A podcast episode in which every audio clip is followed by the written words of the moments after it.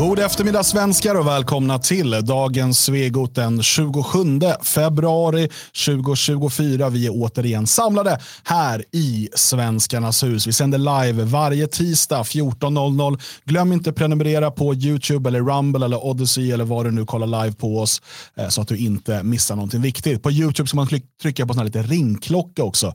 Eh, då blir man tydligen eh, notifierad lite oftare. Ehm, så ligger det till och jag heter Dan Eriksson. De här här två eh, männen mitt emot mig i studion eller till vänster eller höger i bild. Jag vet inte vad som är spegelvänt. För er andra, eh, det är alltså då Jalle Horn. Ja, det är det. Just det, och Magnus Söderman. Mm, naturligtvis. Vi har ju ett helt program framför oss. Mm. Inte ett halvt alltså? Nej, ett helt program. Och vi har planerat in saker vi ska prata om, men jag vill att vi ska prata om någonting först. Mm, absolut. Eh, vi måste prata, det är folk som har tjatat om det här, det är liksom det är en kontroversiell fråga. Mm.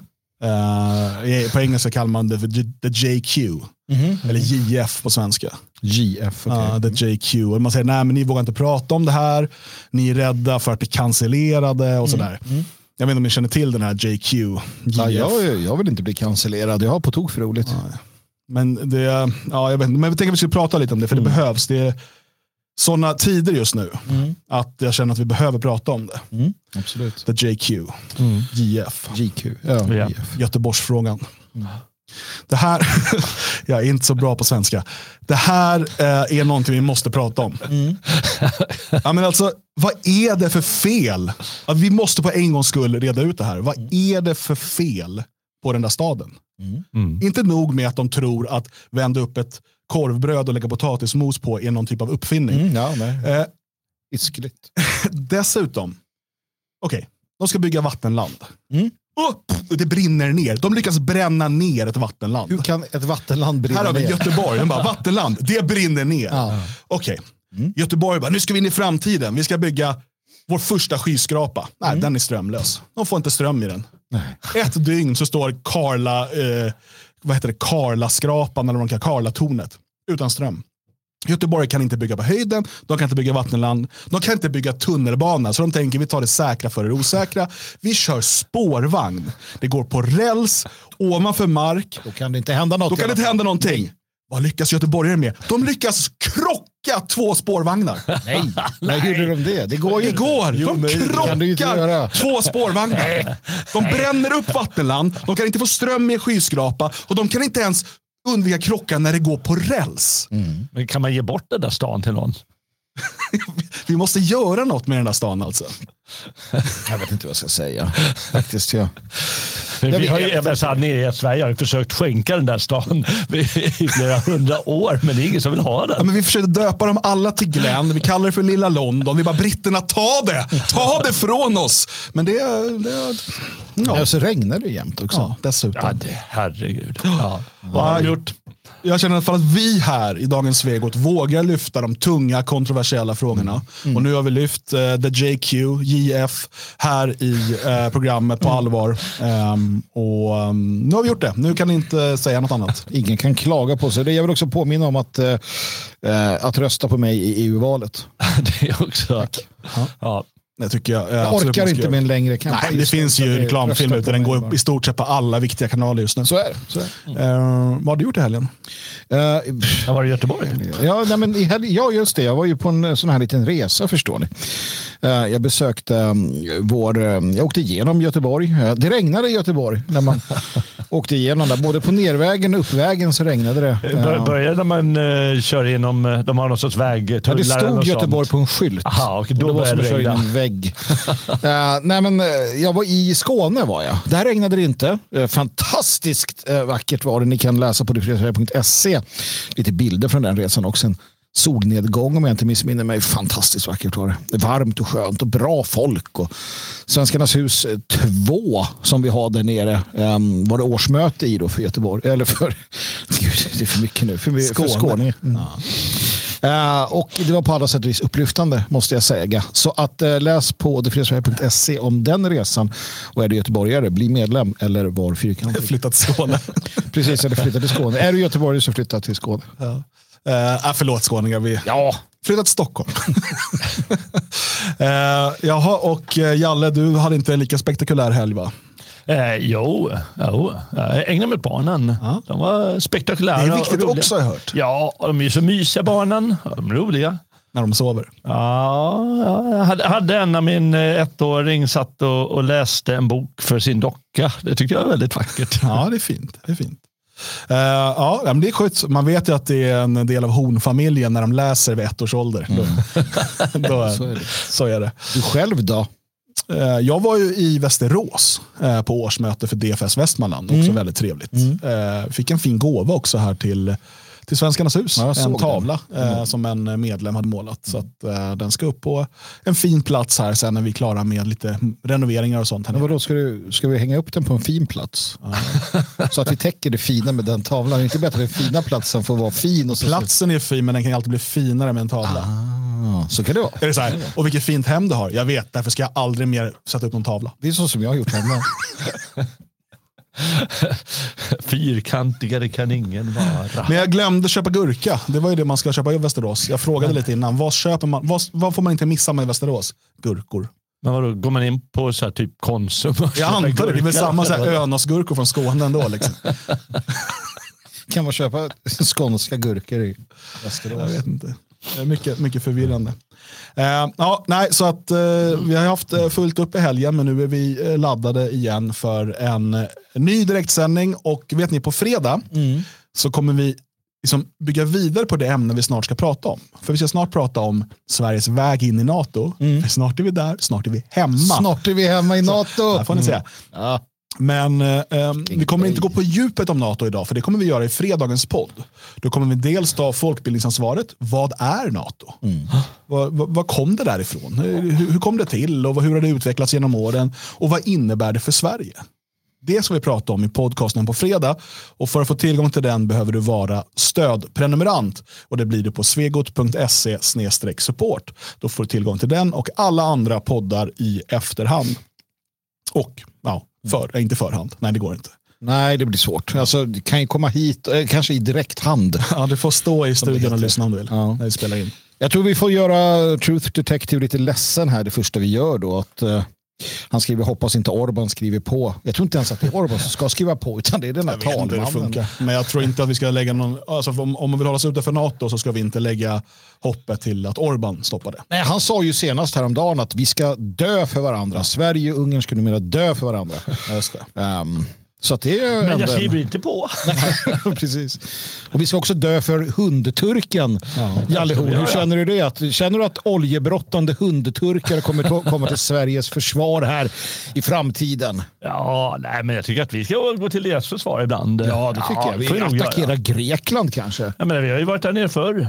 Ja, ja visst. Vi skickar Ja. dit våra Ska- vikingar, Ha- ha- ha- All, vikingakrigare. då vi lärde oss allt om matkultur. All svensk husmanskost Ja. kommer ju från Turkiet. Det gör det. Ja. Det. Men vi hade ju frivilliga vikingar i, i uh, livvakten där nere. ja, det är sant. Hade vi. Det Så hade vi. Och så Karl XII, han höll ju ryssen stången därifrån. Ja, ja, visst. Det gjorde han ju. Ja, det gäller att hålla ryssen stången på Så alla ännu en gång enas vi med hundturken för att hålla ryssen stången. Ja, Men den där sultanen var ju inte helt nöjd med Karl XII i slutändan. Nej. Kom och drog runt där nere och härjade en hel del. Nej, ja, det, han... eh, Hallå. Man gör väl vad, man, vad en svensk Vad man kung vill. anstår. Ja, nej, men som sagt, vi kommer prata liksom, NATO lite på djupet då till eh, fredagens podcast. Men som vi började med att säga här, äntligen Sverige har nu kommit hem. Så står det nämligen i rubriken till Svenska Dagbladets ledarartikel. Nu har Sverige kommit hem. Alltså, jag, jag kan i och för sig, jo men jag kan, jag, kan, jag kan faktiskt säga att det finns en sanning i det. Lite grann beroende på, av hävd skulle jag säga då. För att alltså, Sverige har ju i akt och mening varit ett NATO-land sedan NATO grundades. Uh, jag menar, om du tittar på de militära och underrättelsesamarbeten som skedde mellan Sverige och NATO, alltså Sverige och USA under hela kalla kriget, så var ju Sverige och Ryssland eller Sovjet såg ju på Sverige som en del av NATO. Så är det ju bara. Um, det här att folk säger att ja, men, uh, sossarna höll på och ringde Moskva. Jo, det kanske var Palme någon gång då och då, men i allt väsentligt så den militära vad, vad, vad militären anbelangar så var vi ett NATO-land. Ja, alltså man kan, det är lite som eh, ett par som har liksom i hemlighet träffats och smekt varandra i, ja, i så här 50 år. Då. Ja. och eh, nu är det Agda. Ja, nu är det dags att gifta Nu är det dags att bli sambos kanske åtminstone. Som att gifta sig i bunkern i Berlin. Och så. Eh, det är väl på det sättet. Men ja, nu har Sverige kommit hem. Och Varför jag väljer den här som första artikel att titta på det är för att den slår an en ton som jag tycker liksom har vuxit fram under hela den här eh, så kallade NATO-processen. För processen har bestått i att eh, Sverige ska vara med i NATO och, och punkt slut. Och eh, när får vi vara med i NATO? Det är liksom där som är hela tiden ehm, poängen. För att det kanske är en del som har glömt hur det lät för inte alls länge sedan. Eh, inte alls länge sedan. Vi pratar här alltså efter eh, den eh, fullskaliga invasionen av Ukraina. Då lät det alltså så här ifrån Magdalena Andersson, Socialdemokraterna. Intresse. Vårt, eh, kan du förklara eh, eh, varför du anser att det ligger i Sveriges intresse, vårt eh, säkerhetspolitiska intresse, att inte vara medlemmar i NATO, att inte ansöka om medlemskap i det här läget? Eh, därför att eh, jag menar, om eh, Sverige skulle välja att skicka in en NATO-ansökan i det här läget så skulle det eh, ytterligare destabilisera eh, den här delen av Europa. Alltså öka spänningarna i Europa och Sverige skulle bidra till, eh, till att destabilisera läget ytterligare.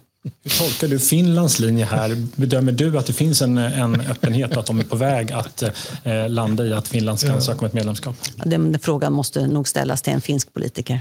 Men är du öppen, trots det du säger, för att ompröva ditt partis och regeringens inställning till NATO? Nej, men jag, jag jobbar utifrån vad som jag bedömer är säkrast för Sverige. Och här är ju min uppfattning i, i det här läget Gulligt av mycket tydlig. Nämligen att, eh, att Sverige fortsätter att hålla den konsekventa linje som vi har hållit under mycket, mycket lång tid. Eh, är det som är, se, värnar Sveriges säkerhet allra bäst i, i det här läget. Jag, eh, Okej, eh, men vänta, det där var då Magdalena Andersson. Så här, det här är då från Socialdemokraternas officiella YouTube-kanal.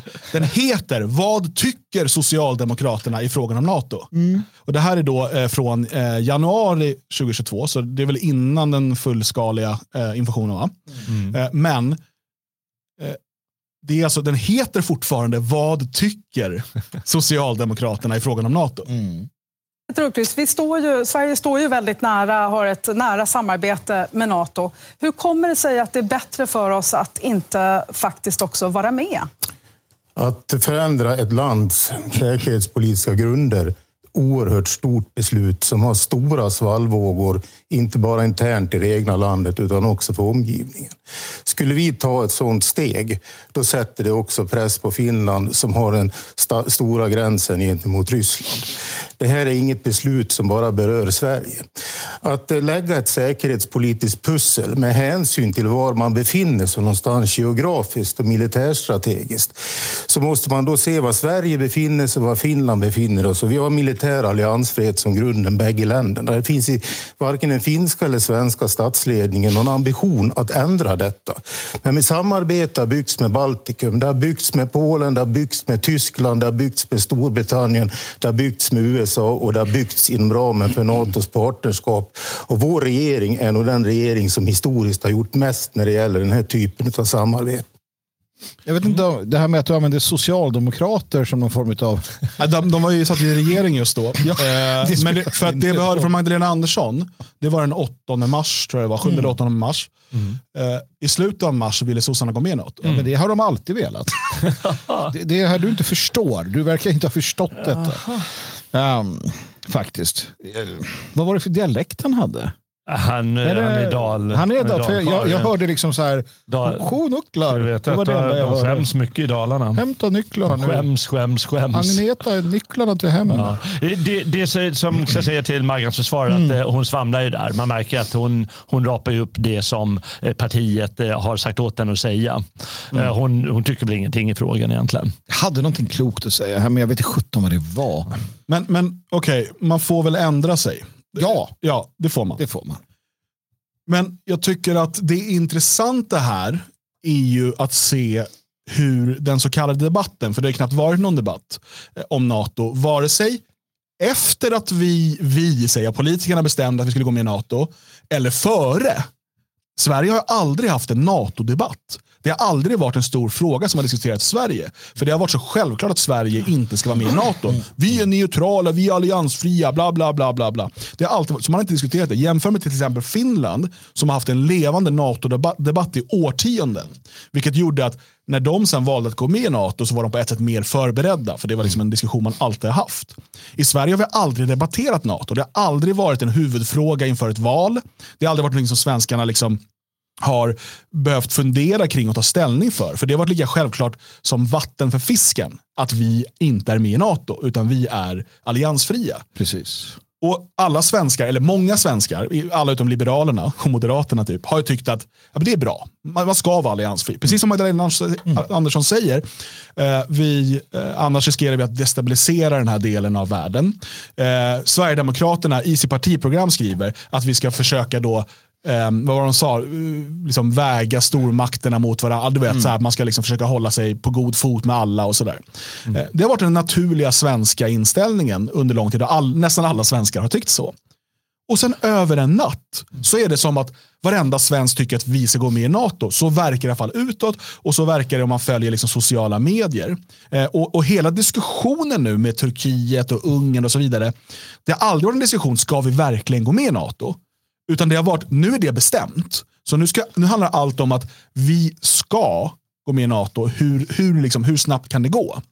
Och Det är lite som att man liksom har bestämt sig, liksom att det, det, är något idrottslag vi hejar på. Jag jämförde tidigare här med att man då, om man jämför med Melodifestivalen, så sitter alla och gnäller, var fel låt som vann. Men sen när det väl kommer Eurovision, då hejar man ändå på Loreen eller vem det nu som har blivit mm. inröstad dit. För nu ska ju Sverige vinna. Och nu är det lite så här, okej, okay, debatt om NATO blev inte, men nu har, ju liksom, nu har vi skickat ansökan. Mm. Nu jävlar, heja Sverige, vi ska in i NATO. Det, det är någon, jag vet inte, masspsykos som bara svänger fram och tillbaka. Jättekonstigt med, med sossarna. Betyder det här för övrigt att svenska folket är sossar? Som gör precis likadant som sossarna gjort, svänger över en natt. Sådär. Nej, eh, nej, men eh, det är jättekonstigt eh, med Socialdemokraterna. Vad, vad var det som fick dem att, att göra det här? Var det press från eh, USA? Var det press från någon annan? Var det liksom en in, intern debatt de haft länge? Den hade ju läckt ut givetvis, den interna debatten. Det är jättekonstigt, för det är sossarna givetvis som har gjort att debatten då inför NATO-inträdet har varit så massivt åt ett håll. Det, det, det, stora problemet blir ju att alltså, svensk alliansfrihet är bästa vi har haft. För att den kunde göra att vi kunde liksom gå till sängs med vem vi ville. för det, det, det är det vi har gjort. Alltså, svensk alliansfrihet har varit värd vatten. Ungefär. Eller vatten är ju värdefullt, den har varit värd någonting annat. I mitt hushåll är värt sprit kan vi säga. Uh, så att, det, återigen, på sätt och vis är det bara en klarhet. Jag såg det var någon som skrev att ja, nu kommer vi ha främmande trupp i Sverige och så vidare. Ja, det kanske är den stora skillnaden egentligen. Men det hade vi innan vi gick med i NATO för att vi, vi valde att teckna ett avtal med USA USA. Mm. För att vi var så jävla rädda för att inte få komma med i NATO. Tydligen så att vi passade på att teckna ett så här underkastelsefördrag som vi kallar det för med, med, med USA. Uh, men jag vill bara ta upp det för det är så kul när hon säger det att att vi skulle destabilisera, uh, jag skrattade till då, att vi, om vi går med i NATO så destabiliserar vi regionen. Jag minns för några år sedan, nordiska, inte Nordiska rådet, men uh, det fanns en, en stark kritik från Finland framför allt, men också då Eh, Eh, Norge och Danmark att Sverige destabiliserade mm. hela Skandinavien, hela den här delen av världen genom att vara urusla genom att avveckla försvaret, genom att ha massinvandring, mångkultur, så sa de övriga våra mm. nordiska mm. grannländer att ni är ju livsfarliga att ha som granne. Kan inte ni bara hoppa någon annanstans? Mm. Så att det här att destabilisera regionen, det höll vi på med under många år. Ja, och i deras ögon skulle det väl också vara en destabilisering att hålla fast vid den här alliansfriheten eftersom mm. eh, Norge och Danmark har varit med i NATO. Och dessutom, menar, om man tittar på eh, vet du, Östersjön så har ju Polen då för inte så länge sedan varit NATO-medlem. Tyskland från början eh, och så Danmark och Norge nästan från början också. Mm. Så jag menar, det är helt onaturligt att vi är med i NATO. Mm. Särskilt utifrån deras synpunkt eh, så skapar det en destabiliserande Mm. Ja, men självklart, det, det är inte konstigt heller att vi dras in i det här till sist eh, av de skälen också. Att, Alltså de länderna vi står närmast, eh, alltså Norge, Danmark naturligtvis, eh, Tyskland, Nordtyskland har vi, vi har Polen. Men Baltikum, eh, de vill Så ju... så Nordtyskland också. Så jävla bajrarna alltså. Ja men de är ju katoliker. Dels, de är ju svartmuskiga katoliker. Ah, just det, du är kvar i 30-åriga kriget. Ja, ja, ja. ja det här är ju, jag tänker aldrig. Germanien. Med då, nej, men, och sen så tänker vi då Baltikum. Ehm, som, som ganska alltså, så fort de kunde hoppade de ju på NATO-tåget för att de vill ju inte riskera att återigen hamna under sovjetisk eh, flagg så att säga. Och att vi då skulle, jag menar någonstans, det är en fin tanke att vi skulle kunna ligga här i mitten av allting helt ensamma och kunna stå för, men, men alltså, någonstans om man ska vara vuxen så kommer det Vi kommer ju prata mer om det här i podden på fredag när vi går in djupare på NATO och lite hur det fungerar och så. För att det är väl, eh, det är väl inte, jag tror att den huvudsakliga kritiken från nationalistiskt håll är väl inte att det är att man går in i en allians med andra länder. Det är inte det som är problemet, Nej, är utan NATO som organisation och framförallt skulle jag säga hur NATO har utvecklats efter kalla kriget. Eh, vi pratar Jugoslavienkriget, vi pratar bombningen av Libyen och så vidare. Eh, och eh, hur man till viss del kanske tidigare var också, men det blev ännu tydligare att man blir mer bara en förlängd arm av USA. Mm. Eh, och, eh, så att det finns ju, det är väl inte, kritiken bör väl inte riktas mot att man inleder allianser med andra stater. För det, kan, det, finns, det, det har vi alltid gjort. Det har varit rätt smart att göra det. Det är ganska bra att ha vänner om man säger så. Eh, sen är det bra att ha bra vänner. Jag frågar Men Tyskland, där är frågan, ja, men där ska man ju stä- ställa sig frågan då, där måste kanske vi svenskar också, eh, speciellt vi som är kritiska mot den här regeringen, Mm. komma ner från vår höga häst och komma på hur bra kompis är vi att ha då? Att de här ens vill ha med Sverige. Mm. Med tanke på hur det här landet har misskötts och liksom under så lång tid. Eh, för att vi, det är lätt att peka på USA och de är dumma i huvudet eller några andra NATO-länder. Eh, ja, men den svenska staten har ju också misskötts och, och betett sig bedrägligt under lång tid. Ja, och då var det ju alliansfritt Sverige. Men här handlar, det, där handlar det ju mest om geografi och NATO tänker ju längre än att ja, de kan ju se nästa regering kan vara något helt annat. Men det är så att nu har vi liksom geografin. Nu är ju då eh, Nord- Nordsjön heter det va? Ett innanhav i princip. Ja, Du har lilla, lilla, lilla, lilla Rysslands den där lilla Östersjön. Lilla, Östersjön. Nu är det en liten, liten. Det är det enda de har kvar. Liksom. I övrigt så är det NATO, NATO-territorium. Um, och, det här blir ju ännu viktigare som sagt, det här kommer vi ta på torsdag, men det är ännu viktigare när det kommer till, och det här är ju det som man sällan tänker på, men det är ju norrut. Nu när isen börjar ge vika, det börjar bli öppna upp sig för gud vet vad uppe på, på um, Nordpolen och eh, liknande. Så det är därför också Sverige blir jätteviktigt. Det Är det Antarktis där uppe? Ja, jag vill inte prata om det. Arktis, nej, det är Arktis där uppe. Du ska säga Nordsjön och Ar- nej, Östersjön Var, och Arktis. var har nazisterna sin hemliga bas? Ja, det, är, det är nere i Antarktis. eh, Antarktis. Det är Neuschwabenland. just eller? Det. Ja, det är så man måste komma ihåg det. Liksom. Ja, ja det är precis. De är, de är där nere. Var kommer man in till den ihåliga jorden? Ja, men det finns både där och här. Ja. Eh, och så lite båda ställena. Ja, det finns båda Ja, det är ett hål rakt igenom. Ja. Ja, det också. Ja. Eh, man, kan ju faktiskt, Där, där bor King Kong. Har jag sett. man, man kan ju också se det lite eh, från ett annat perspektiv. Ja, från- att NATO, det, det är lite, Sverige är sent på bollen kan man se det. Att NATO känns ibland lite förlegat. Eh, Dels har det ju, det har ju tappats in eh, den här kommunismen mot eh, nå- någon, vad de kallar lite fri värld eller eh, kapitalistiska världen kan vi kalla, kalla det för också. Det har ju tappat efter murens fall. Och dels så har ju USAs intresse de senaste 30-40 åren varit mycket mer riktat mot Mellanöstern än mot Europa. Så eh, Frågan är vad det ger i, i längden det här. Och det har blivit så stort NATO. Alltså de har ju haft problem sedan murens fall att eh, fokusera. Vad är vår uppgift nu? Och Det är ju självklart att eh, man inte riktigt vet när man inte har en naturlig fiende. Nu har ju Ryssland då skapats som en naturlig fiende. Dels med inte, inte lite rysk hjälp i och för sig. Men eh, på något sätt att vi, vi, vi är med i en organisation som inte riktigt vet vad den är till för och som har vuxit sig eh, för stor. På något sätt så kommer det givetvis spricka så småningom. Och sen kan man ju fråga vad det innebär. Jag, jag känner ju också bara det här att alltså, det, finns ett sånt, det finns ett lite för stort mått utav alltså, en tro på att det skulle kunna vara på något annat sätt. Än, än, alltså, krig är det naturliga tillståndet. Människans naturliga tillstånd är krig och strid och elände och fan hjärtesorg och, och, och fan hans moster. Det är det vi ägnar oss åt. Um, så att det här att ja, men vi borde ha gjort si och så för att undvika det. Nej, men det är så här, det är stora allianser, det är stora ja. nationer. De går i krig, de hittar någon jävla orsak. Det finns inget hedervärt i själva det. Att ja, Putin han säger ja, men vi har lite problem hemma, vi startar ett krig. Det har vi gjort sedan Roms dagar och tidigare. Ja, inflation, helvete, starta ett krig någonstans. Alltså, och så sitter någon, ja men Putin han skulle inte, jo det skulle han såklart. Precis som alla andra av de här världsledarna håller på. För att det är så världen är beskaffad och här gäller det ju att, att liksom förstå det och kunna manövrera inom, inom ramen för detta. Jag är ju en varm anhängare av en nordisk försvarsunion, en germansk försvarsunion.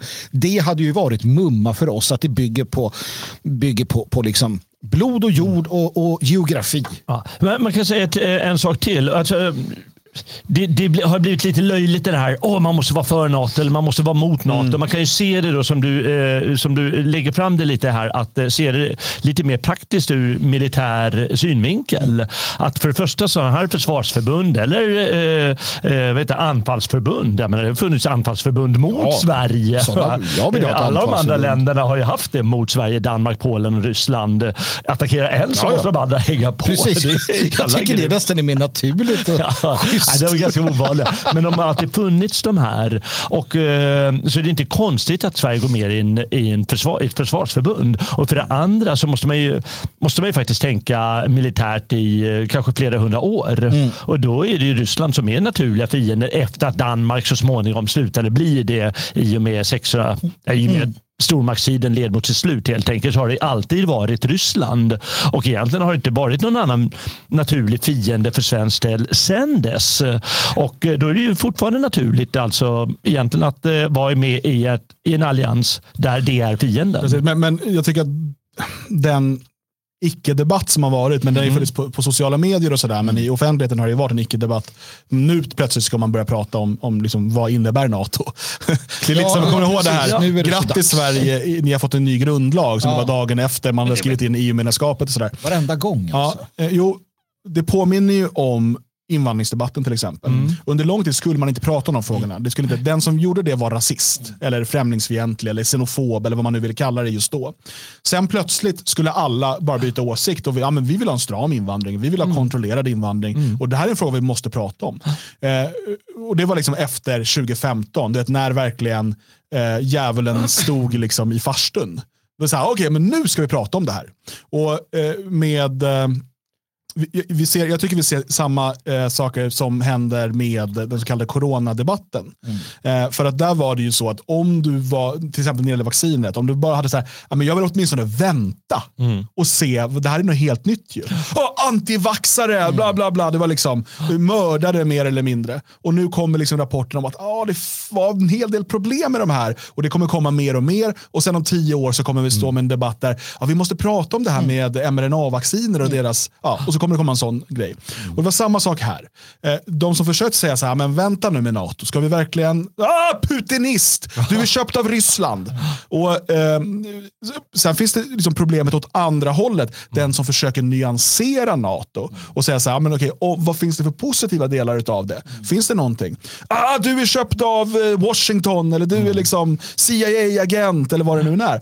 Och den här liksom, dikotomin och polariseringen i debatten, den kan vara underhållande, men den är värdelös för att få till bra debatter. Mm. När man bara börjar beskylla varandra för att vara rasist, antivaxare, putinist, CIA-agent, istället för att faktiskt diskutera de här sakerna eh, på ett vettigt sätt. Jag menar, det går att vrida och vända på saker och se saker från olika perspektiv. Jag tycker att Jeff Ahl hade en bra poäng på Twitter.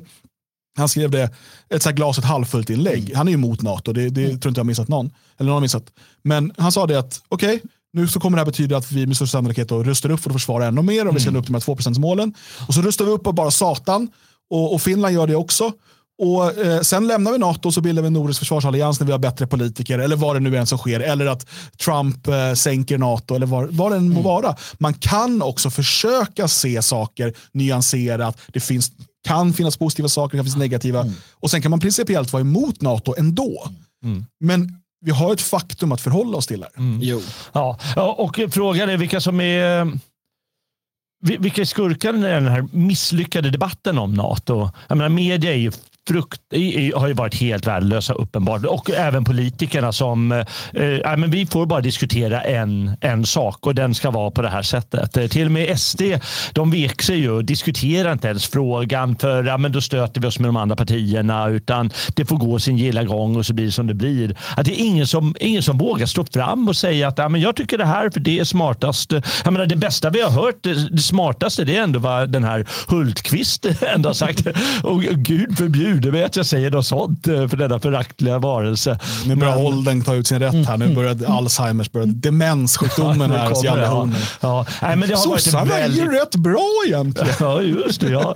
Jag bara tar, vi kommer komma in på ett annat ämne sen. Det tyckte jag också var så typiskt. I, i Aftonbladet då skriver Ebba Busch eh, om eh, den här Riyad som vi kommer ja, men vi kommer komma till det. Ska, eller vill du? Jag bara, bara säga, för det säger något om NATO här. Ja. Och då säger hon att eh, det är anmärkningsvärt att man har en tung V-företrädare som gör anspråk på partiledarrollen mitt i pågående NATO-debatt. att han kunde stå med PKK-flaggor i Almedalen. Alltså man fick inte säga någonting Nej. i NATO-debatten. Det är det hon säger. Mm. För det får man inte göra, för då så riskerar ja, men, men, du någonting. Men var det inte exakt samma sak under corona då? Att så här, men nu, fan, nu har vi en pandemi, nu kan vi inte prata om Nej, sånt där. Det kan vi inte göra. Nej, nu får man liksom bara sluta upp och hålla, hålla ihop nu. Men det är också å andra sidan så, som sagt, vi har ju haft den här typ, alltså idén om fri media och så vidare. Det har väl, det har väl liksom vi i alla fall släppt sedan länge. Jag menar, och det är ju också, jag menar, om man tittar på vad, vad, är, vad, är, det, vad är normalläget? Mm. Ta länder som Ryssland eller andra sådana länder. Eh, så är normalläget att massmedia inte är en fri media. Alltså fri media som koncept på världslig skala, det är ju liksom något vi har hittat på. jag menar, om jag nu ska vara djävulens advokat, friare media än du har här är ju svårt att hitta. Vi är ju ett lysande exempel på det. Ja, här alltså står vi... Fri så möjligheten att, att verka. Kunna. Sen har, eh, sen alltid... har du ju pressstöd och sånt Precis. som är förstörda. Ja, men sen har du ju då naturligtvis den media som vi kan kalla regimtrogen på ett eller annat sätt. Som inte är regimtrogen, för det finns inget roligare för en modern journalist än att fälla en statsminister. Fortfarande Nej. är det så. Mm. Men i vissa sådana här liberala frågor och socialism, då är de ju överens. Va? Men, men jag menar, och, och det, är ju, det är ju något, vi har ju turen att kunna ha, om folk eh, var ännu mer engagerade i den fria medien i Sverige, att vi hjälptes åt ännu mer och fick upp eh, liksom möjligheten ännu mer, så skulle vi ju kunna ha en helt annan fri media. För det kan vi. Vi har i alla fall möjligheten till det, till skillnad från andra länder där det inte finns någon sån eh, möjlighet överhuvudtaget. Mm. Så att, ja, som sagt, vi ska prata mera NATO eh, i fredagens podd. Då går vi också igenom en liten historisk genomgång om vad eh, NATO är, har varit, skulle bli och så vidare. Eh, och lite vad det innebär då för eh, Sverige. Och eh, Den kommer ut på fredag på svegot.se. Det behöver vara stödprenumerant för att kunna höra den och det blir det på svegot.se ehm, support. Nu ska vi prata Daniel Riazat. och jag tänker att vi ska börja med att lyssna på en ehm, replik växling i Sveriges riksdag som ju ligger till grund för den nuvarande diskussionen. Och, eh, jag ska inte ta saker ur sitt sammanhang här, så vi kommer först få höra vad eh, moderatkvinnan, som jag nu har glömt namnet på, det står inte här i titeln heller, eh, vad hon säger. Och sen vad Daniel Riazat säger. Det här är deras sista repliker, då. det är mm. inte hela, alla repliker. Men, ehm, och, och, så ska vi lyssna på det som då har dragit igång den nuvarande diskussionen och, och reaktionerna och sådär. Eh, se. Här får vi fram den på bild här. Och så låter det så här. Varsågod. Tack, fru talman. Jag frågade Daniel Riazat om Daniel Riazat tar avstånd från Hamas som terrororganisation. Jag har inte fått ett svar på den frågan. Tack, fru talman. Mm. Tack. Slutreplik, Daniel Riazat, Vänsterpartiet. Varsågod. Mm. Det här blir väldigt, väldigt märkligt. Eh, Margareta Cederfelt, jag är född och uppvuxen och har flytt från ett land där grupper likt Hamas brutalt torterar och fängslar kvinnor, män och dödar barn. Jag har flytt från det landet och jag kämpar emot dessa typer av grupper. Att påstå, att ens komma upp och ställa en fråga om jag tar avstånd från en sån grupp som Hamas, som är som den iranska regimen för mig. Det, är bara, det visar vad Margareta Cederfelt och hennes parti går för. Tar Margareta Cederfelt avstånd från alla de extrema högergrupper som ni samarbetar med runt om i Europa? Tar du avstånd från det som israeliska regeringen har gjort mot de tusentals barnen i Palestina de senaste veckorna? Tar Margareta Cederfelt avstånd från alla de brott som högern och högerns vänner har begått gentemot civilbefolkningarna i de olagliga invasionerna som ni har stöttat runt om i olika länder. Till skillnad från mig som tar avstånd från Hamas och de organisationerna så har du aldrig någonsin tagit avstånd från de grupperna. Så sätt dig ner. Tack så mycket. Och nu är det så att det bara är begränsat antal repliker så Margareta Cederfelt kommer inte ha någon eh, möjlighet att svara på Nej, jag, alltså så här, först eh, innan vi liksom går in på sakfrågan. Det är så tröttsamt kan jag tycka. Att höra uh, alltså, i Sveriges riksdag om Israel och det är om Hamas och det är om något annat land och det är om någon tredje folkgrupp. Men vem fan bryr sig? Kan inte någon bara säga nu är vi i Sveriges riksdag, här ska vi prata om Sverige och svenskarna. Jag skiter i fotbollsmatchen mellan, eh, i Tel Aviv där nere, där Hamas och, och de kastar granater på varandra. Eller jag skiter i vad de gör i Jemen, eller jag skiter i vad de gör där. Jag bryr mig om vad som händer i Sverige. Nu förstår jag och är en anhängare av liksom en eh, hyfsat storsvensk utrikespolitik i, i allt väsentligt. Men någonstans så blir jag också trött på att höra Daniel Riazat. Jag kämpar mot de här regimerna. Hur fan kan du göra det när du kommer? Du, du har bott i Dalarna och du är med i Vänsterpartiet och sitter i Sveriges riksdag. Jo, för att det är hans identitet och det är hans liksom sån som han är och så. Det där förstår vi också. Men jag blir så trött på detta. Om judar och araber vill skära halsen av varandra eller varandras barn och kvinnor och leka vilda västern där nere så gör det för all del. Men flytta hem alla härifrån. Alltså, jag är bara less på det där. Ja. Eh, det är faktiskt inte bara han som gör en less, utan jag måste ju säga även den här eh, skånska kvinnan gör mig lite less. Ja, men nu vill jag höra att du tar avstånd från Hamas. Ja. Jag menar, vad är det för blöj, eh, blöjdiskussion de ska ha? Och här, jag ska ge Daniel Riazat många kängor snart. Men mm. först ska jag ge han beröm. Yes. Bra Daniel Riazat! Nej, för att det här ständiga, ta avstånd, ta avstånd. Mm. Och hans poäng är ju god. Okej, okay, mm. men då ska du ta avstånd från allt som kan liksom läggas i din... Mm. Eh, och han nämner ju här till exempel USAs många invasionskrig. Hur var det med de här massförstörelsevapnen i Irak? Var mm. det värt att döda en miljon iraker för era mm. fejkade mass massförstörelsevapen? Mm. Alltså, eh, alla Israels eh, brott mot ja. mänskligheten. Alla, alltså, det finns ju hur mycket som helst som Moderaterna har stått och hejat på. Absolut. Och men, men det går inte så här för varje gång det är någon, så, så här, ta avstånd, ta avstånd. För vi, som nationalister är man ganska vana att få höra det där. Mm. Tar du avstånd ifrån X eller Y eller Hitler eller förintelsen eller eh, jag, jag vet inte. Den, vet, massa saker. Så här, mm. Varför ska jag ta avstånd? Vad är det för underlig liksom, grund i en diskussion? Mm. Alltså, kan vi prata om, okej okay, vad kan vi göra här i Sveriges riksdag? okay, om vi överhuvudtaget ska, eh, liksom, om vi överhuvudtaget ska diskutera eh, vad två sandfolk gör med varandra nere i öknen, eh, okay, på vilket sätt kan vi påverka? Kan vi diskutera det då?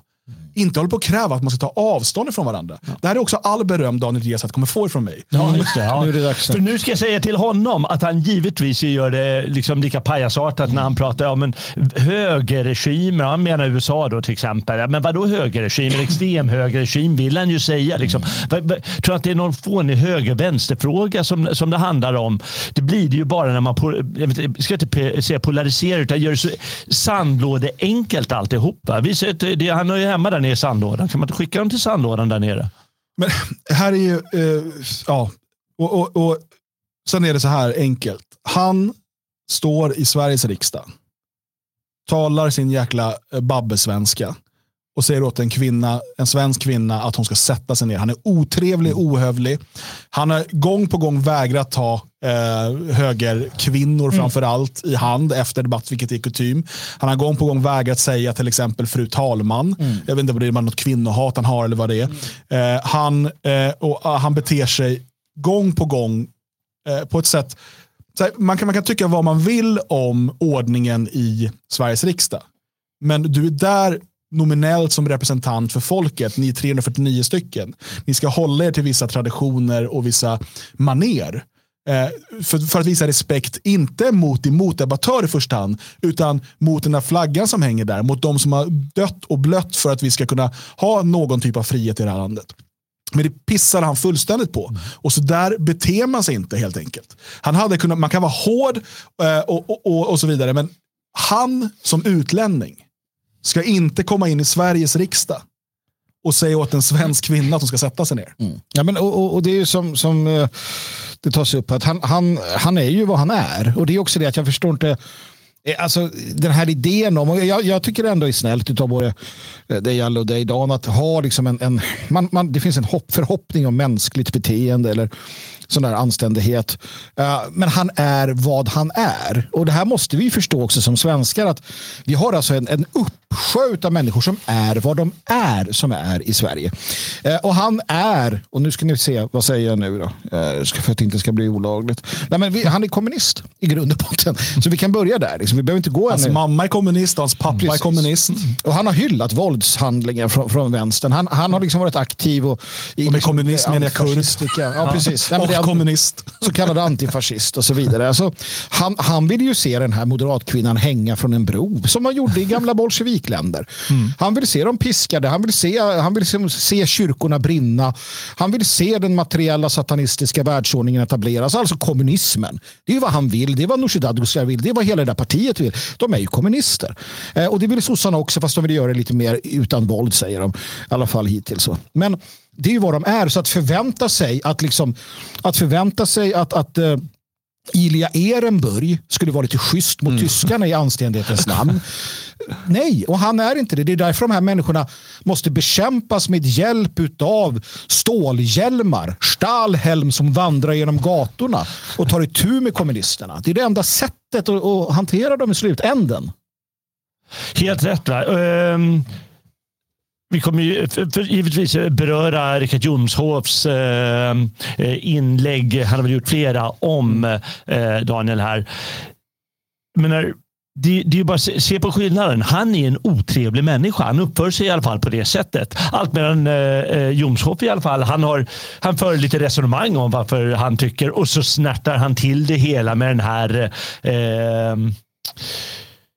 han ska flytta ifrån Sverige och det gör han givetvis att eh, vad säger när det är satt, att, eh, ja, men Det som är, är ju, eh, vi har det på skärmen här, mm, eh, för att eh, tidigare då så har ju eh, Daniel Riazat gråtit. Han har ju kallats, eh, motståndsrörelsen har kallat för Lipsillen sedan typ 2012. Eh, de har haft mycket att göra med där uppe i Dalarna mm. där de har varit väldigt aktiva. Eh, men eh, och, och 2015 lipade han för att hans eh, riksdagslägenhet, som alltså finansieras av svenska arbetare eh, mitt i Stockholm, eh, den, eh, han var tvungen att bo bredvid eh, Mattias Karlsson från ja. Sverigedemokraterna. Då ville han flytta. Han ville ha lite större också. Det var lite lite tyckte han. Eh, det passar inte en sån här gåslevare kommunist från Kurdistan. Nej, nej, nej. så han ville ha lite större lägenhet, men framförallt ville han flytta, flytta bort från Mattias Karlsson. Mm. Och då skrev eh, Richard Jomshof så här, justitieutskottets ordförande, vill jag poängtera. Daniel Riazat vill, ville alltså flytta från mm. SD, Karls, eh, ja, Mattias Karlsson. Själv tycker jag att han borde flytta från Sverige. Han är en skam för den iranska diasporan.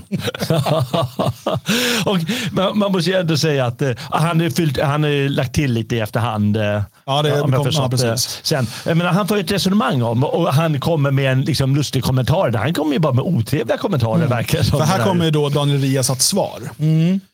Jag förväntar mig såklart ingen ursäkt av nazister som Jomshof och Karlsson eller från troll som Bäckman. Men statsministern borde be om ursäkt för att han samarbetar med och ger positioner till människor som vill tysta det fria ordet. Det är inte förenligt med demokrati. Mm. Mm. Bad inte han just en motdebattör att sätta sig ner? Ja. Mm. På vilket sätt är det mindre att vilja tysta det fria ordet Nej. än att säga att eh, då tycker jag att du borde flytta härifrån? Mm. Det blir ju så, det blir så tråkigt. Han är bara en bluff. Han är bara en hetsare och det är helt stört att det, att det här landet, att det ska vara relativt vanligt med den här sortens personer. Ja, och tänk, tänk, alltså, tänk alltså nu med demografin och förändringen och så här. Och, och alla som så här, fortfarande har någon form av liksom, utopisk, tyvärr, idé om att så här, framtiden kommer vara annat än ganska dyster på vissa fronter. Tänk när an, ännu fler sådana här röstas in. De kan vara mer eller mindre skötsamma. Men fler av den här typen av människor kommer mm. komma in i Sveriges riksdag. Mm.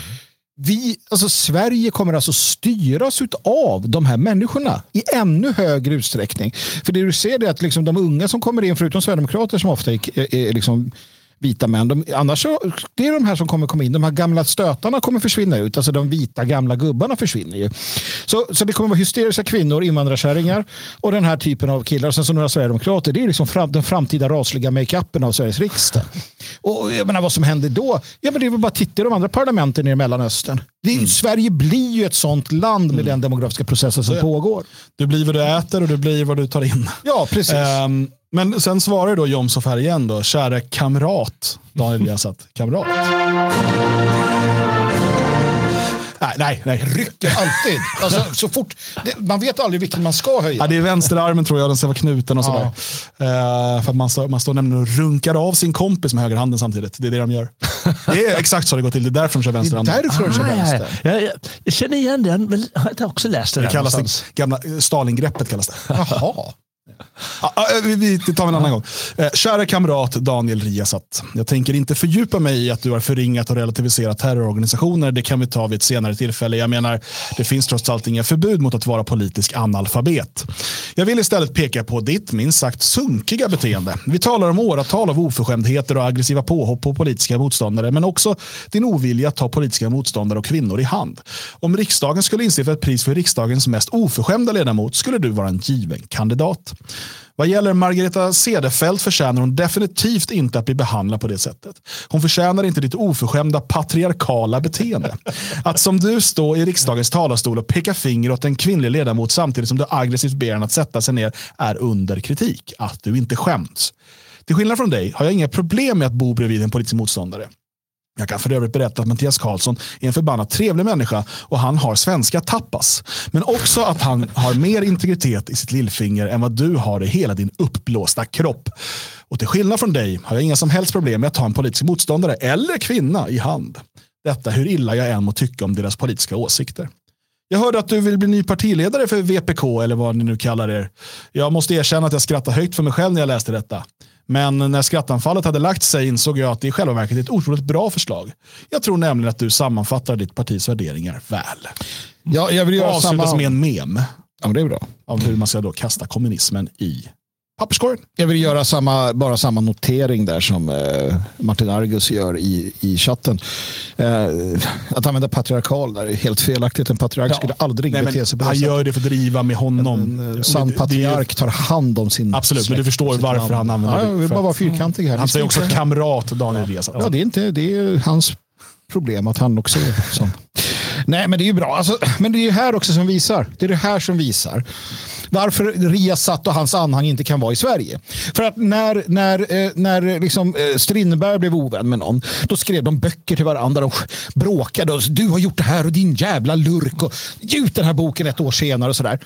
Eh, när när eh, liksom, svenskar hamnar i luven på varandra i riksdagen, så där, då så här, du är bla bla bla. Och så, det kanske lite så här, ja, man, man kanske kommer med något fräckt så här. Och så lommar man iväg och blir lite arg och så. Uh, och det är så vi gör. Men vi skakar vi skäller på varandra så här, och, så går vi och sätter oss. Men de här människorna från den här regionen oftast, de är inte sådana. Utan de är helt annorlunda. Och de tar med sig det in i, i Sveriges uh, riksdag.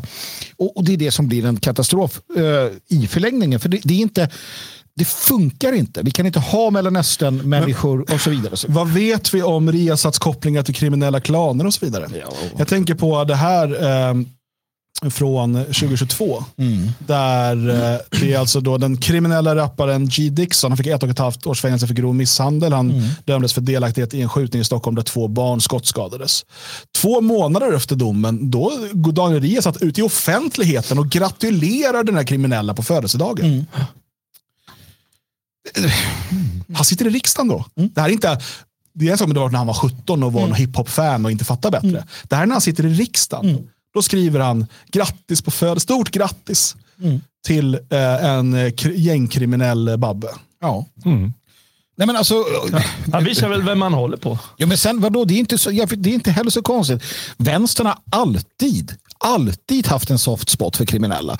Eh, jag menar, de älskar ju kriminella. Ta den här tidningen Bang eller vad den heter. Nej, den här kriminella... Nej, det här Kåkbladet. Det är ju en vänstertidning från, från början till slut. De älskar kriminella. De älskar att släppa loss kriminella. Så fort de tar makten, då släpper de fängelserna. Eh, de använder kriminella för sina syften. Eh, jag menar, det, det är vad de gör. De är ju kriminella. Kommunismen är ju kriminell i sin grund. Och sen så tar- blir det ännu värre när det tar sådana här människor som blir liksom kommunister. Så att, nej, jag vet inte. Jag vet inte vad jag ska säga. Mer än, än det. Um, som sagt, eh, Nordfront och motståndsrörelsen har ju följt den här Riasat under lång tid. Förföljt med det. uh, och jag, jag tycker den här också är intressant. Det är från 2012. Eh, och eh, ehm, det, det är, så här står det då. Idag annonserar vänsterpartisten Daniel Riazat på sin Facebook-sida att han planerar att tala under den mångkulturella demonstrationen i Bollnäs. Den demonstration som indirekt försvarar en gruppvåldtäkt på en ung kvinna från Bollnäs får nu förstärkning av Daniel Riazat från Falun.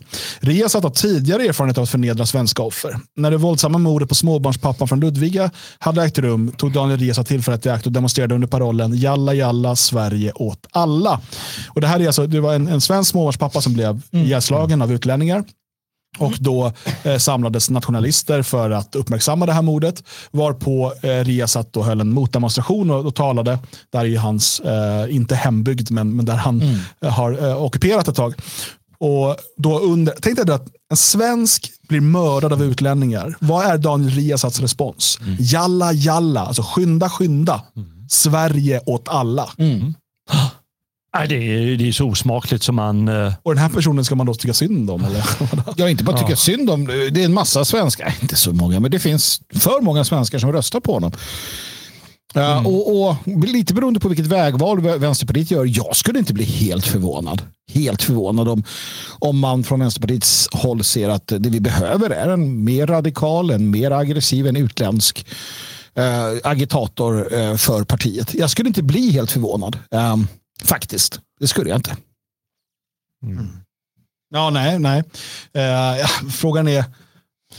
Jag tror inte han är redo att pe- peta Norse än alltså. Nej, men, Nej, jag tror att de är rädda för att ha det där samtidigt. Mm. Ja, det är bra.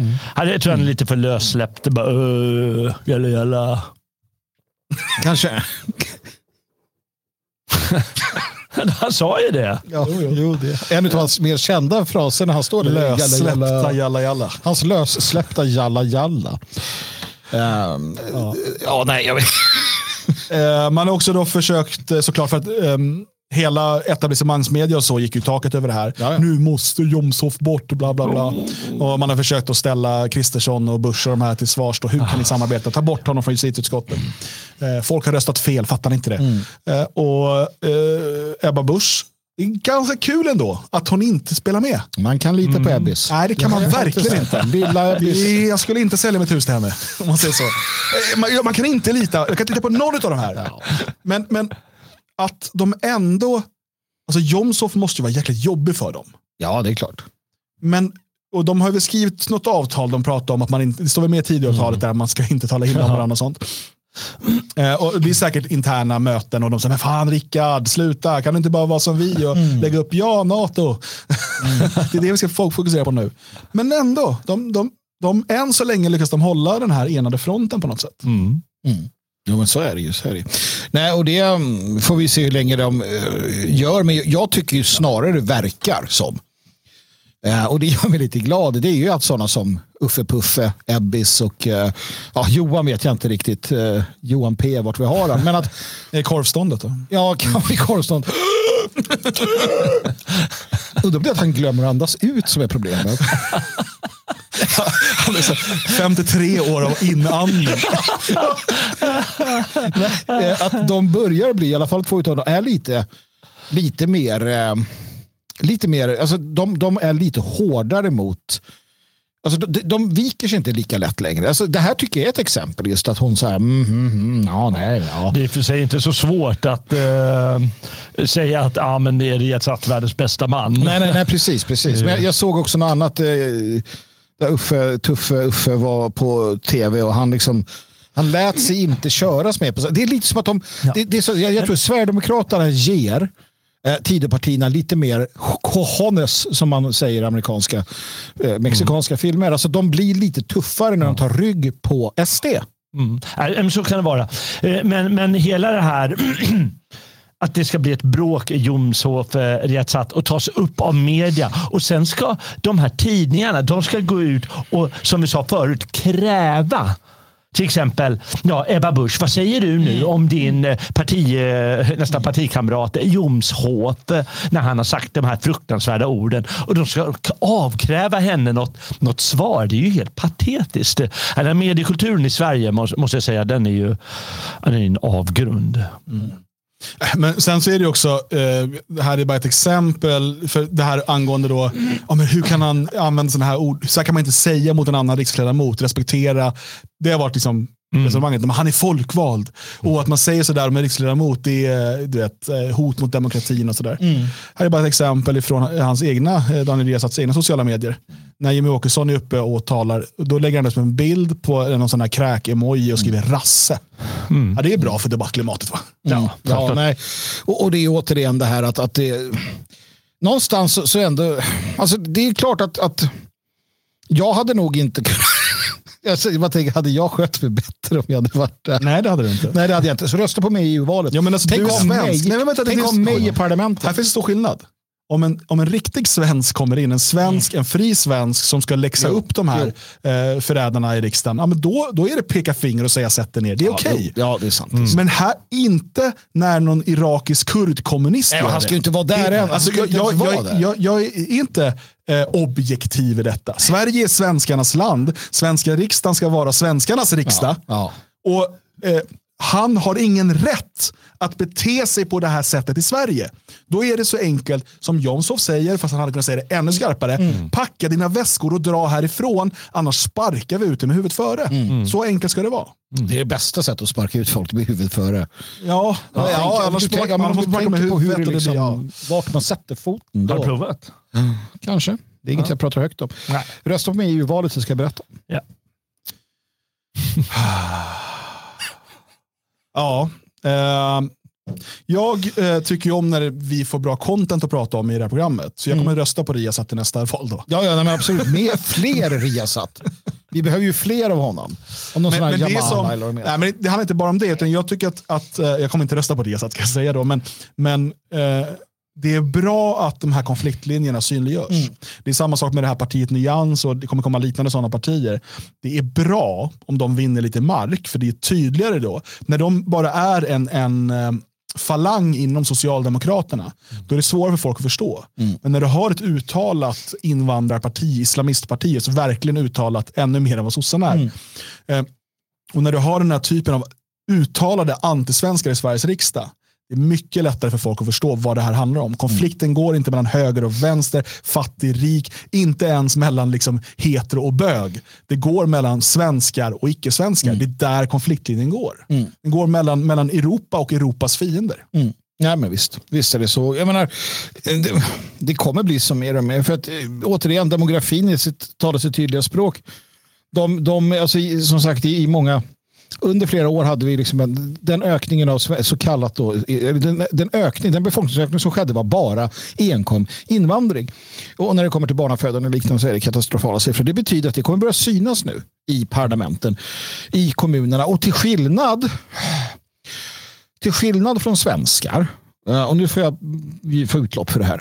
I, uh, vad var det, Gävle eller Norrköping eller vad det nu var, där någon imam hade trassel ja, Gävle moskén där. Ja. Mm. Där har då den lokala, liksom, det lokala muslimska gänget, de har idrottsförening, de har, uh, vad var det mer de hade? Boxningsklubb, Boxningsklubb och fritidsgård. Och fritidsgårdar och allting.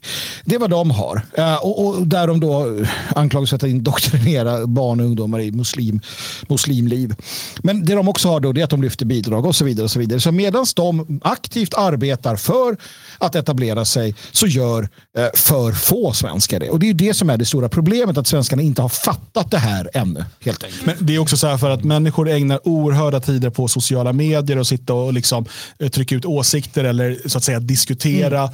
Eh, och så vidare och tror att det är det som i slutändan påverkar. Mm. Det är klart att det alltså, kan påverka på marginalen. Ja. kan liksom så här, men eh, det är faktiskt det, det, vi bygger runt med våra samhällen. Mm. De alternativ vi skapar för svenska ungdomar de, mm. och de eh, värderingar och den kultur de får med sig från de sammanhangen. Det är det som påverkar på riktigt. Det är ja, det arbetet måste ja, göras. Ja. Men, men folk tror att de kan sitta åtta timmar om dagen på liksom Twitter mm. och, och, kasta ur sig eh, smarta formuleringar och att det liksom har något, alltså det enda, bara för att du får 500 likes så tänker du ah, nu har jag gjort skillnad.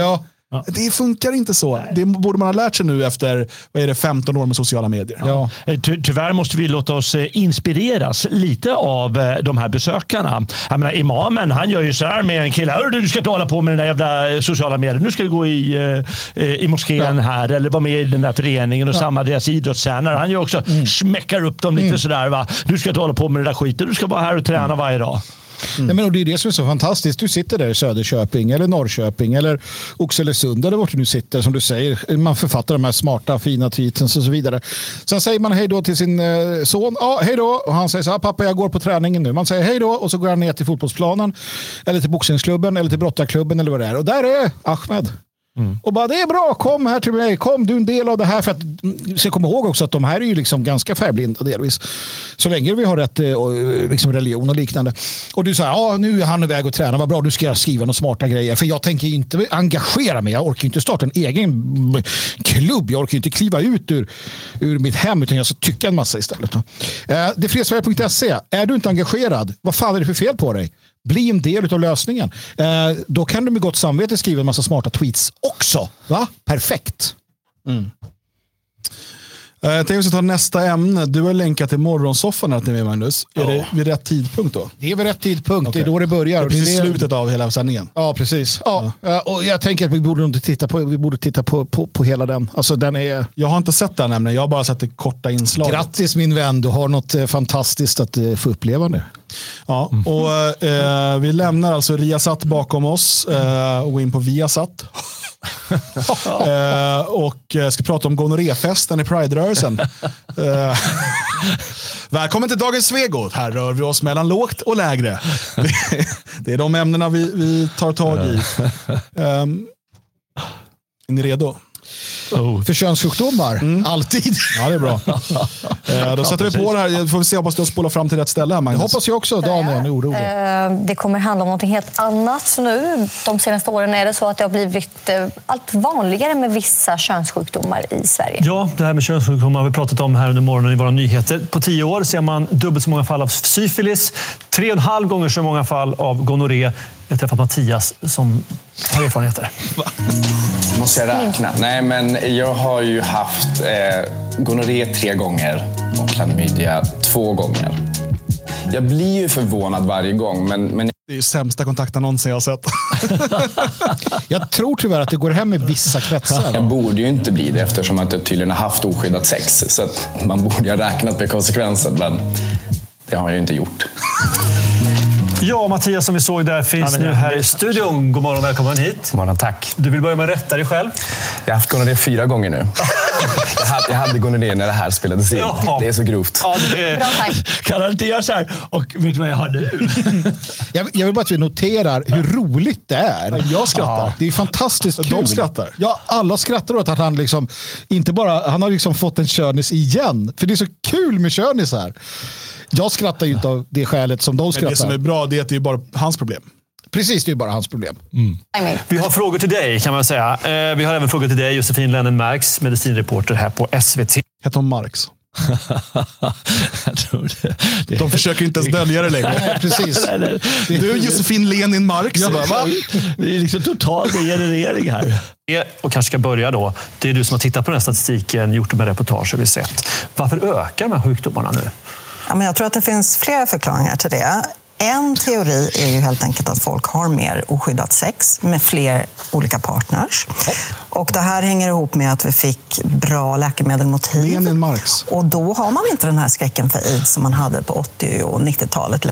Jag vill bara säga det att skräcken för hiv-aids förvisso fanns på 80-talet för 30 år sedan. Eller vad det är. Eh, att, att vi har fått bättre läkemedel mot hiv-aids idag har inte, tror jag, jättestor inverkan på heterosexuella människors sexualvanor. Däremot finns det andra grupper i samhället som jag inte ska peka ut med mitt stora finger här eh, och säga att de är ansvariga för detta. Men de är ansvariga för detta. Nu är vi inne på den där eh, Göteborgsfrågan igen va? Mm längre. Och då blir det inte lika angeläget att till exempel skydda sig med kondom vid oralsex eller analsex och så. Det är en förklaring. Ökat resande och migration en annan. Tittar man på syfilis kan man säga 2022 så hade Gävleborg den högsta ökningen i landet. Och mer än Var det där moskén låg va? Det var där, där, där de kom. Det var apkopporna kanske. Låt oss lyssna. hälften av fallen där var faktiskt flyktingar från Ukraina. Ah, snuskiga ukrainskor och ukrainare. Putin-gonorré. Ja, det var de. Låt oss från SVT peka ut ett folk. För de kommer fortsätta peka ut andra folk och Nej. grupper. Nej, nu gick det bra tydligen att peka ut en specifik Ja, flyktinggrupp. Snuskiga, äckliga, äckliga d- drypande, Vidriga. dry, Stinkande. Vårtiga. ukrainare. Det låter SVT hälsa. Okej. främst kvinnor då. Och en tredje förklaring är ju att ja, bredare testning kan också göra att man hittar fler. Just det.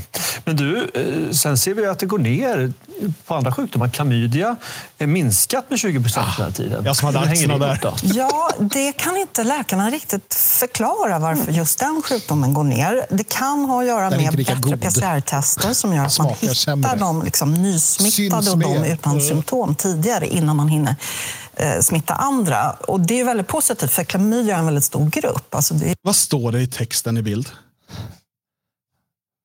Läs högt.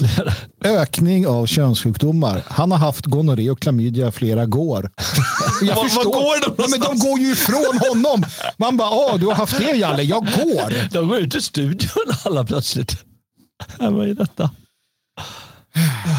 Det är ju eh, över 32 000 som drabbades av klamydia förra året, så det är bra att få ner de siffrorna.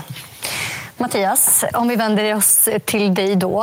Ehm, De flesta tror jag skulle tycka att det är ganska jobbigt att prata om sånt här. Men du har valt att göra det helt öppet. Hur kommer det sig att du är så bekväm med det? Alla behöver en identitet. Jag är gonorrématte liksom. Bara, ja. Bristande omdöme. Nej, men jag, jag vill bara säga, på, eller jag, jag ska inte säga någonting, men Det är det här som är gris-tv. man har pekat ut Ukraina, ukrainskor. Ha, jag, jag tror att han är... alltså, Jag, jag har en känsla av att han... Inte en ukrainsk kvinna. Nej, och jag, jag vet inte, men jag får också för mig, av någon anledning, jag vet inte vilken, att han är korvryttare. Mamma Scan. Som Leif GW Persson Nej, skulle men jag, jag tänkte så här, alltså inför det här hade jag självklart liksom ett alldeles eget opinion live i mitt huvud om jag skulle göra det här. Eh, men landade liksom i slutsatsen, är det så hemskt? Han hade alltså röster i huvudet som, som sa så här, ska du ha Alltså, ögon och folk har sex. Eh, när man har sex så kan det få konsekvenser. En del får barn. Jag får ont när jag kissar. jag, fick, jag fixar inte mer. Den här, den här bögen säger alltså att barn och hans könssjukdomar är samma sak. Jag vill bara att vi kommer ihåg att homosexuella är precis som alla andra. Glömmer De det, det. det, handlar bara om kärlek och respekt och omtanke. Det är allt det handlar om. Magnus i EU-valet. Eh, det är liksom inte att jag pådrar liksom skam och skuld över hela mig och mitt släkte. Utan det är att jag får gå och ta en behandling för en sjukdom. Men hur har du blivit bemött av sjukvården när du har varit där så många gånger, tänker jag? Alltså, det värsta som har hänt är väl att jag har blivit igenkänd. Annars har de behandlat mig väldigt väl. Och du har alltså haft både gonorré och klamydia. Kan du beskriva den upplevelsen? Är det här du vill vi ska kolla på? Det här är som Magnus som har tjatat om att vi ska titta på det här. Jag tänker att ni ska förstå vad som händer på Nyhetsmorgon. Eh, Det här är alltså Sveriges Television. Det här är tvångsfinansierad media klockan nio och eh, alltså fem i tio på morgonen. Fem i tio på morgonen. Då de pratar om, för att ursprunget är så här. Läkare varnar för att det ökar, för att det blir resistenta eh, eh, penicillin eller vad det heter. Eh, det är det de ska prata om. Men det utvecklas till att de sitter och Ja, det. smeker för, för det som sker då, eh, och det här är ju varför det absolut inte får få så här stor spridning som de håller på att få nu.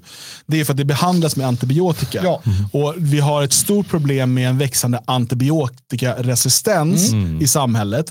Och därför är man ju väldigt eh, konservativ med att skriva ut antibiotika, Mm. även för sånt som normalt sett behandlas med antibiotika. För att nej, men vänta istället och se om det löser sig av sig självt.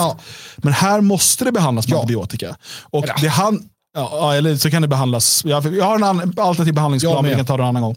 Eh, men, eh, så det han gör, det drabbar ju inte bara honom eller den han ligger med. Utan han är ju med och driver på en antibiotikaresistens som gör att vi kanske sen inte kommer kunna ge våra barn antibiotika när de är sjuka i en riktig sjukdom som de inte... Han har ju dragit på sig det här själv. Ja, om och om igen. Och vi ska dessutom tvingas betala för det. Han gång på gång drar på sig medvetet den här sjukdomen för man vet ju hur man skyddar sig. Han och hans sort, för att, vilket man också påpekade i chatten, det var ingen som pratade om vaginalt samlag. Problemet var analt och eh, oralt. Men vagin, nej, det var ukrainskorna. Ja, just det, just det. Hur är det? Det brinner ibland, det gör det. Men ibland, alltså så här, det, det kan ibland vara svårt att upptäcka. Ibland när man känner att nu borde det vara jättelugnt så helt plötsligt så får man ett positivt provresultat tillbaka. Eh, Så att man kan inte alltid riktigt veta. Ibland brukar man säga att man lär sig av sina misstag. Men det har Inte jag. du gjort.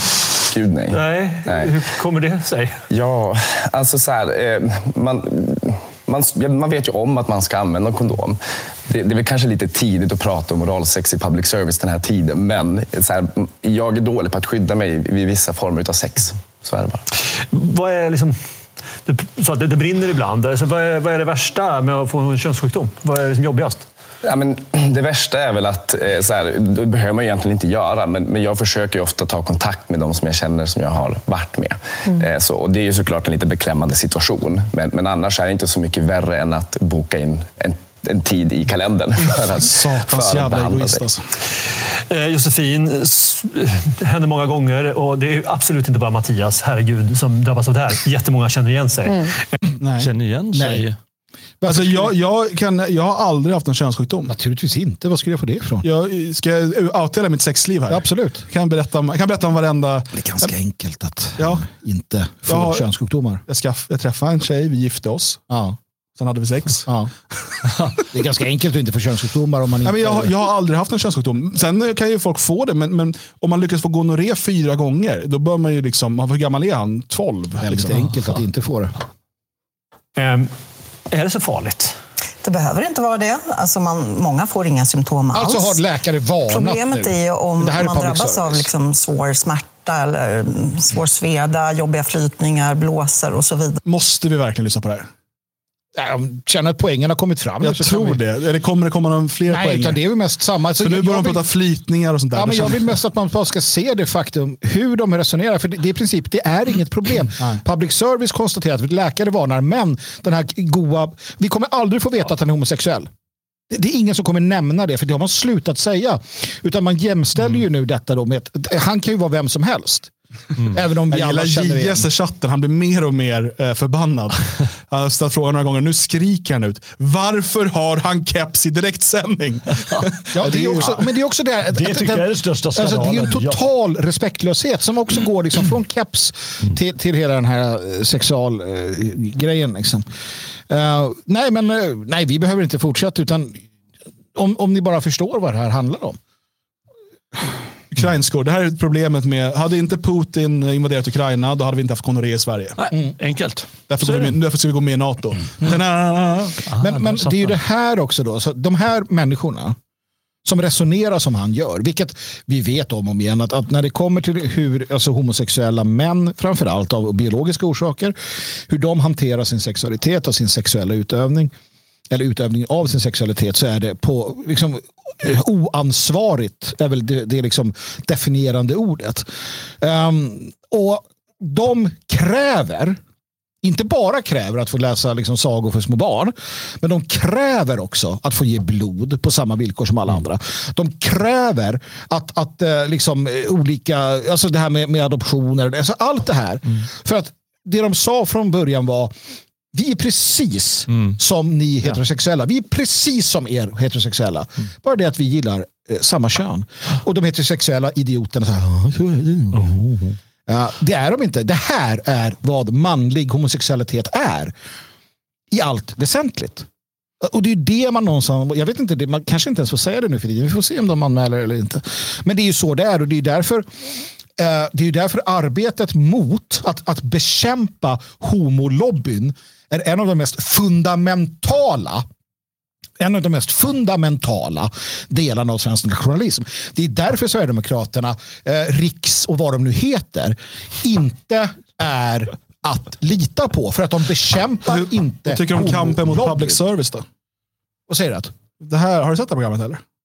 Nej, den där har jag inte sett, men jag, jag ska göra det. Ja, du ska göra det. Det är alltså programmet Anal extas. eh, Som då går i Sveriges Television. Eh, Inne på sin tionde säsong. Nej, men eh, jag ska bara, kan jag få läsa kan jag få läsa eh, ingressen? Ja, ja, absolut. Svenska män har en hemlighet. Cirka fem centimeter in i rumpan sitter en källa till orgasm som inte alla vet om eller vågar utforska.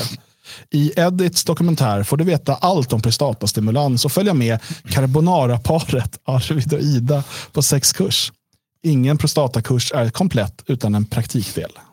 Det är ju fräckt av Gud att sätta den punkten där. Alltså. Det måste vi ju vara överens om. Måste vara överens om. Ju...